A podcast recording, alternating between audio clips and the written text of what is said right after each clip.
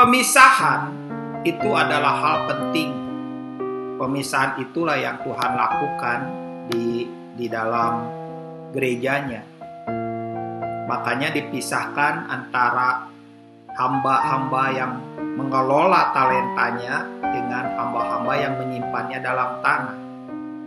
Dan akhir daripada Matius 24 25 dilakukan pemisahan antara kambing dan domba. Masalahnya apa dengan kambing? Apakah dia melihat Tuhan Yesus yang kedinginan, yang kelaparan, yang telanjang, yang dalam penjara, yang ada di rumah sakit, yang gak ada yang ngurus, yang kelaparan, yang kehausan? Tidak. Tetapi lihat yang domba. Domba itu mau mengurus jiwa-jiwa. Domba itu mau direpotkan. Domba itu mau waktu tidurnya digantikan.